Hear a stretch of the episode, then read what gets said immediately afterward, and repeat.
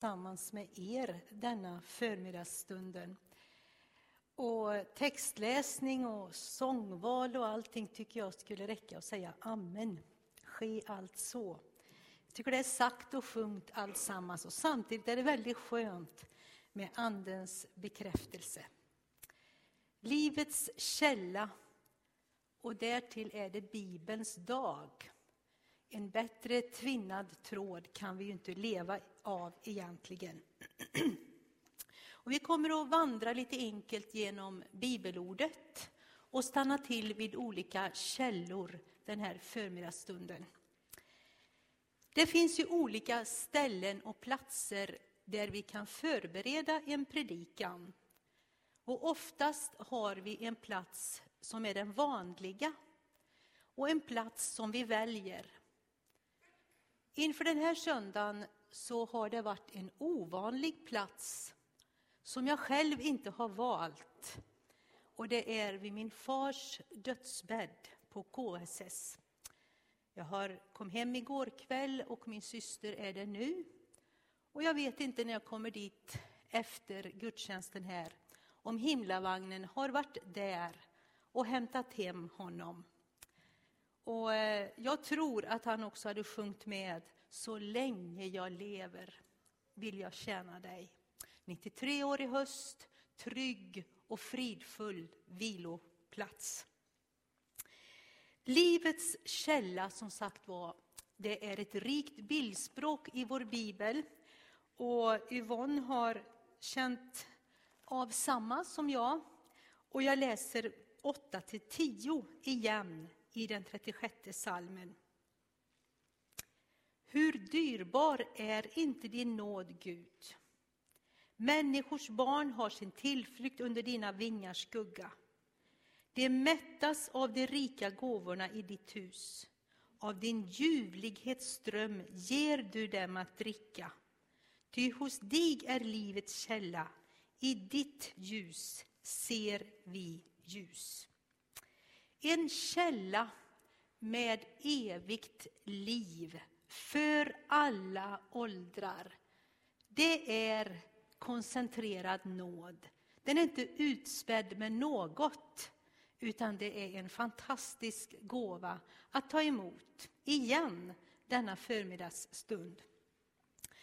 Det finns en källa, från Gud den flödar fram.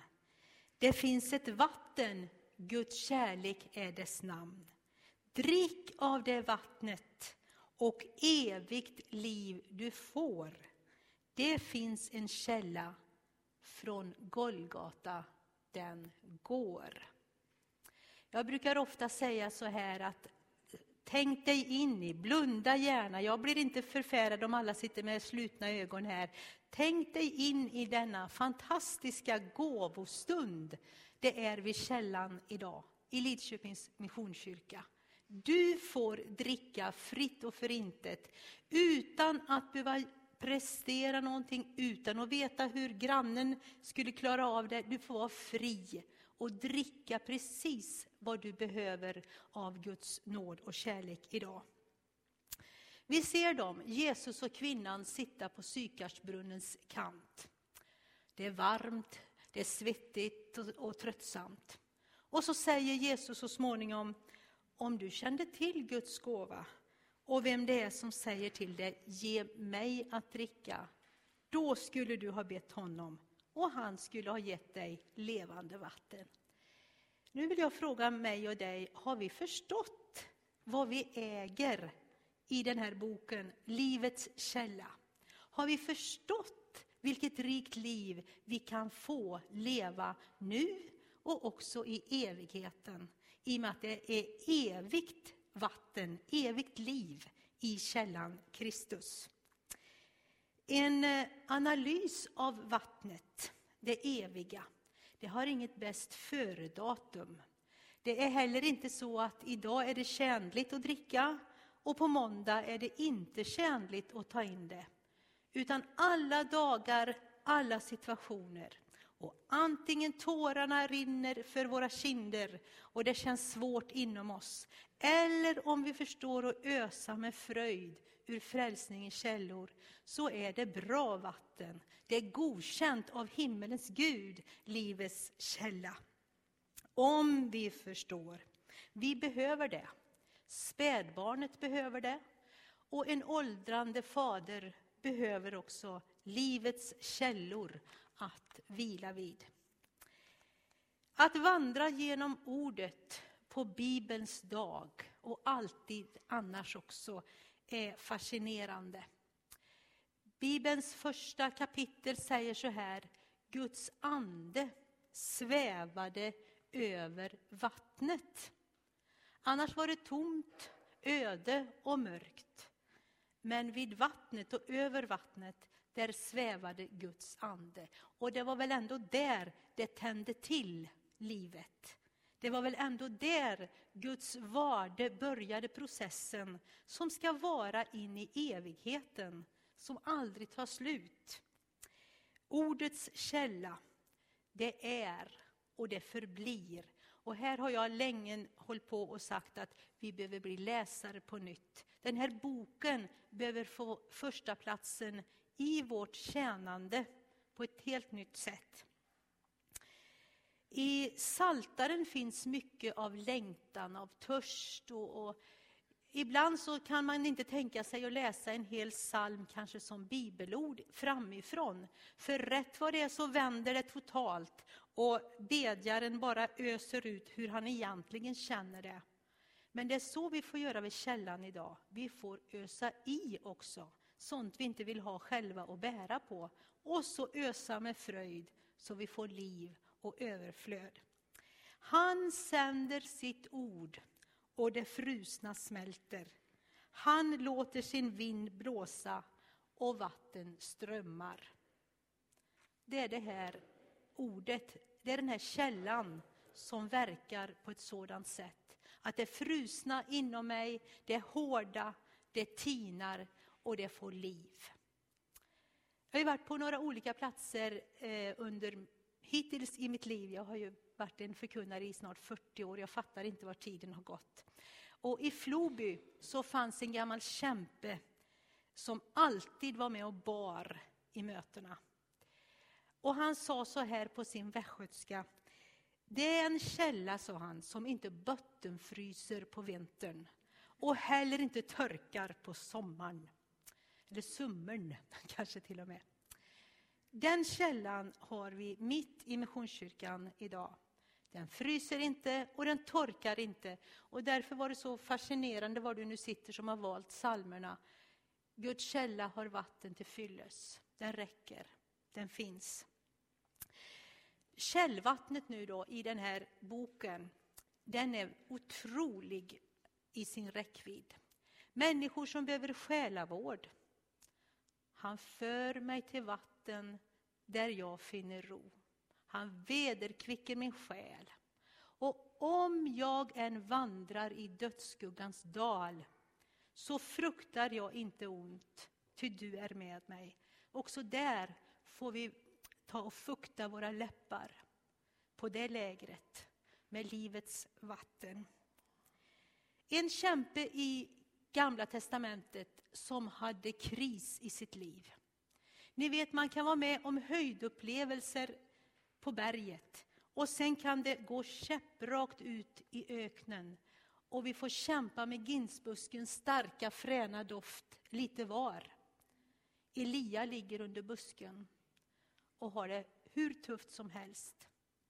Då får han bröd som är bakat på glödande stenar och en kruka vatten. Och sen kommer ängeln och säger varsågod och ta om. Du får en gång till, jag tror du behöver det. Elia hade aldrig rest sig upp av den smäckraste meny som vi kan tänka oss. Utan han behövde vatten och han behövde bröd som var bakat på glödande stenar. Och vet du vad? Jesus är både livets bröd och livets vatten. Så om din själ känns i press så är det Jesus som ger dig bröd som är bakat på glödande stenar och en kruka vatten denna kalla och ruggiga vinterförmiddag. Och jag tror att du känner att du behöver ta om en gång till för att orka gå vidare. Det finns många källor i livet som egentligen måste erkännas innehåller lite av sanning de också. Men många de dricker lite här och lite där och så mixar man och så blandar man ungefär som man skulle hälla te, en tepåse som vore trasig i en vattenmugg. Det blir inte bra. Och eh, då, så blir det bakterier om man dricker ur vilken pöl som helst. Och det drabbar vårt inre. Det drabbar vår tankevärld. Och det drabbar hjärtat som Bibeln kallar vårt innersta, där livet utgår ifrån och som vi ska vara särskilt försiktiga om och med. Så vi uppmuntrar varandra idag att vi dricker vid den levande källan. Den är bakteriefri och den är inte farlig, den är tjänlig i alla livets situationer. Bibelns dag, då ska vi läsa mycket ur Bibeln också. Ordspråksboken 25 säger så här. Som friskt vatten för en törstig själ är gott budskap från fjärran land. Som en grumlad källa och en förorenad brunn är en rättfärdig som ger efter för en ogudaktig. Var noga med hur det ser ut, det du tar in, öron och ögon och allt. Ska jag läsa från Jeremia 2 också? Ty mitt folk har begått en dubbel synd. De har övergivit mig, källan med det levande vattnet och gjort sig usla brunnar som inte håller vatten. Och nu ska vi inte framförallt fundera på hur är det han gör grannen och hur är det hon gör i församlingen, utan jag frågar vilken källa dricker du i och av? Och hur har du det med renheten tillsammans med Herren? Det finns alltså möjlighet att byta sig tillbaka till livets källa igen. Och då renar den så intensivt så det som ligger bakom, det ligger bakom. Som jag sa, lite smolk i ett vattenglas gör det ofräscht. Och därför ska vi uppmuntra varandra i en tid som denna att hålla kursen, att följa livskällan framför andra som andas skapelsekraft ifrån Gud. Jesus koncentrerat. Folk ska inte behöva fråga vad handlar det här om? Är det någon annan eller vem är det? Utan det handlar om Jesus, det vi förkunnar i våra gudstjänster. Och hans kors måste få stå i mitten av våra liv, alltid. Hans kors var i mitten och hans kors ska vara i centrum. Någon sa, jag tror det var på ett LP-möte någonstans, de är ju radikalare egentligen än vi gammalkristna. Du kan inte både åka ut på båten och samtidigt stå kvar på bryggan. Du måste välja. Det här säger jag till mig och jag delar det med dig också. Jesus i mitten, den källan som är livets källa. Längtan och törst, ja det funnits mycket att säga om det. Bibeln talar mycket om det. 42 salmen börjar Som hjorten trängtar efter vattenbäckar så trängtar min själ efter dig, o Gud. En hjort dör om man inte får vatten. Hur tror då vi att vi ska överleva andligt utan det levande vattnet? För när jag var liten, och det är ju som sagt var många år sedan nu, det får man i alla fall höra av barna att man är gammal. Eh, då var jag mycket på tältmöten. Och sångerna som sjöngs innehöll ofta levande vatten, höll jag på att säga. Och Emil Gustafsson är en av mina författare som jag gärna läser och jag tycker om hans sånger, de är levda och han vet vad han talar om. Vid levande källan jag vilar förnöjd, vid källan av renande blod. Och så sista strofen i varje kör. Jag grönskar i levnadens kväll. Vilken, eh, vilket vatten! Vilken eh, information att drick av det här vattnet och du grönskar till och med i levnadens kväll. Även om vår kropp bryts ner så kan ändå vårt inre få del av livets källa. Mose, jag nämner honom också, sen har jag snart varit i hela Bibeln. Mose han slog på klippan och de fick vatten att dricka. Och han är, det är ju naturligtvis en förebild av klippan Kristus som slogs för att vi skulle få vatten, förlåtelse och frid. Jag tror att livets källa står för underhåll också. Dagligt intag. Det finns. Så här, jag ska läsa ifrån Jesaja 48. Så står det om folket som drack vatten. Det led ingen törst när han förde dem genom öknarna, ty han lät vatten strömma fram ur klippan åt dem. Han klöv klippan så att vatten flödade. Tänk vad Gud har tänkt mycket på var och en av oss eftersom han har gjort allting så här. Gett oss en gåva som är fri att ta emot. Andens förnyelse i våra egna liv och i våra församlingars liv. Det är inte kört med kristenheten om vi dricker ur livets källa. Om jag och du är där varje dag, dricker och doppar oss i den, höll jag på att säga, så den omsluter oss. Ett bibelsammanhang till. Bibelns dag ska det vara alla dagar, men det är det särskilt idag. Eh, att få uppleva förnyelse, det innebär ju att förnya någonting som man förut har upplevt. Hesekiel 47 talar om tempelkällan, där det mäts upp tusen alnar till hela tiden. Och först nås det till vristerna, då förnyas vår villighet att gå. Sen nås det till knäna, då förnyas vår ödmjukhet. Sen når det till höfterna, det ger sanning och stabilitet. Sen når det så att jag måste släppa kontroll över mitt liv åt Herren.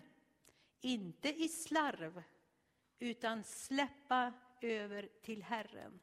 Då sker något alldeles speciellt och då älskar vi livets källa på ett nytt sätt.